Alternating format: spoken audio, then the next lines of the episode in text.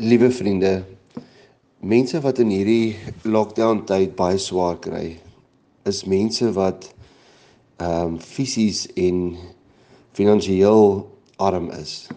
Mense wat moet in rye staan vir kospakkies, mense wat onseker is van 'n inkomste of 'n werk.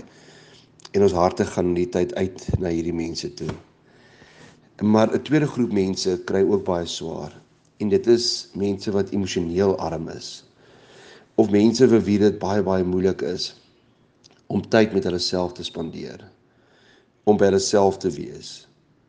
En dat dit die hartseer kan wees dat sommige mense ehm um, op die ou end hulle grootste vyand raak waar ons gemaak is en daar moet wees om onsself lief te hê en onsself te koester.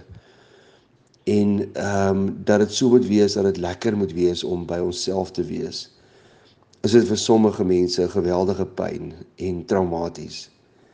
En daarom wil ek in hierdie week bietjie met jou gesels oor jouself.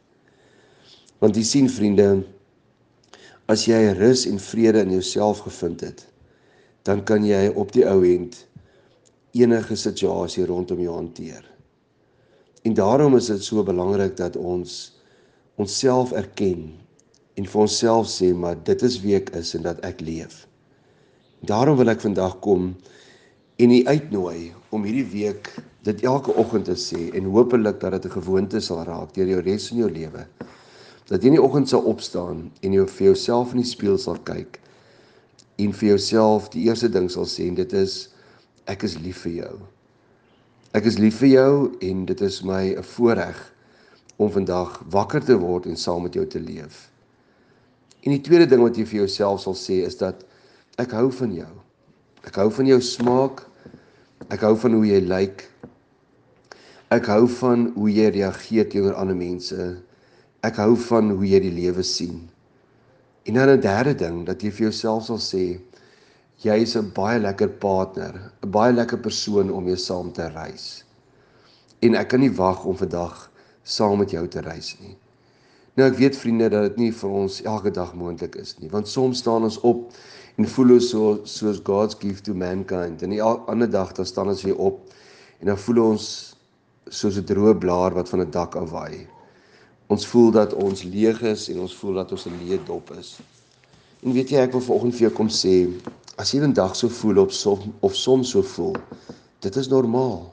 Dit is oukei. Okay. Dit is deel van mens wees. Maar ek wil vir jou in hierdie oggend help ehm um, en ook die res van die week met eie waarde. Nathaniel Brandon, een van die groot gurus van Amerika wat oorlede is, maar wat wetenskaplike werke oor eie waarde geskryf het, skryf in sy boek The Six Pillars of Self-Esteem. Skryf hy dat die selfbewussyn word beskerm deur die eie waarde. Met ander woorde, soos jou wit bloedselletjies jou liggaam beskerm teen virusse en siektes, so is jou eie waarde en wat jy van jouself dink ongelooflik belangrik in terme van jou lewe en in jou selfbewussyn. Ehm um, hoe jy oor jouself dink en oor jouself voel gaan op die ou en bepaal met wie jy bevriend gaan wees. Ehm um, hoe jou lewensmaat gaan lyk. Dit gaan bepalend wees hoe jy COVID-19 gaan hanteer. Dit gaan bepalend wees van hoe jy met jou kinders werk, hoe jy met jou lewensmaat werk. Dit gaan selfs bepalend wees van die werk wat jy doen en watter sporte jy in jou werk bereik. Vriende, maar die wonderlike van ehm um, die eie waarde is, dit is labiel. Met ander woorde, dit gaan op en af. Dis nie stabiel nie en daarom gee dit vir ons ongelooflike ruimte en spasie om aan jou eie waarde te werk. Om vir jou stukkie vir stukkie te help om vir jouself meer lief te wees en van jouself meer te hou. Want onthou, soos ek altyd sê, Mense wat hulle self liefhet, dink baie van hulle self, maar daarom dink hulle nooit aan hulle self nie. Maar mense wat hulle self nie liefhet nie, dink baie min van hulle self en daarom dink hulle 24 uur van die dag net aan hulle self.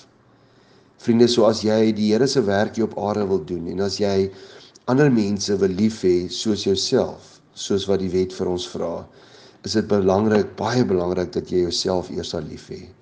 Mag hierdie week vir jou insiggewend wees en mag jy saam met my reis om stukkie vir stukkie vir jou te help om jouself liewer te hê. Jy's kosbaar in die Here se oë, maar ook in jou eie oë.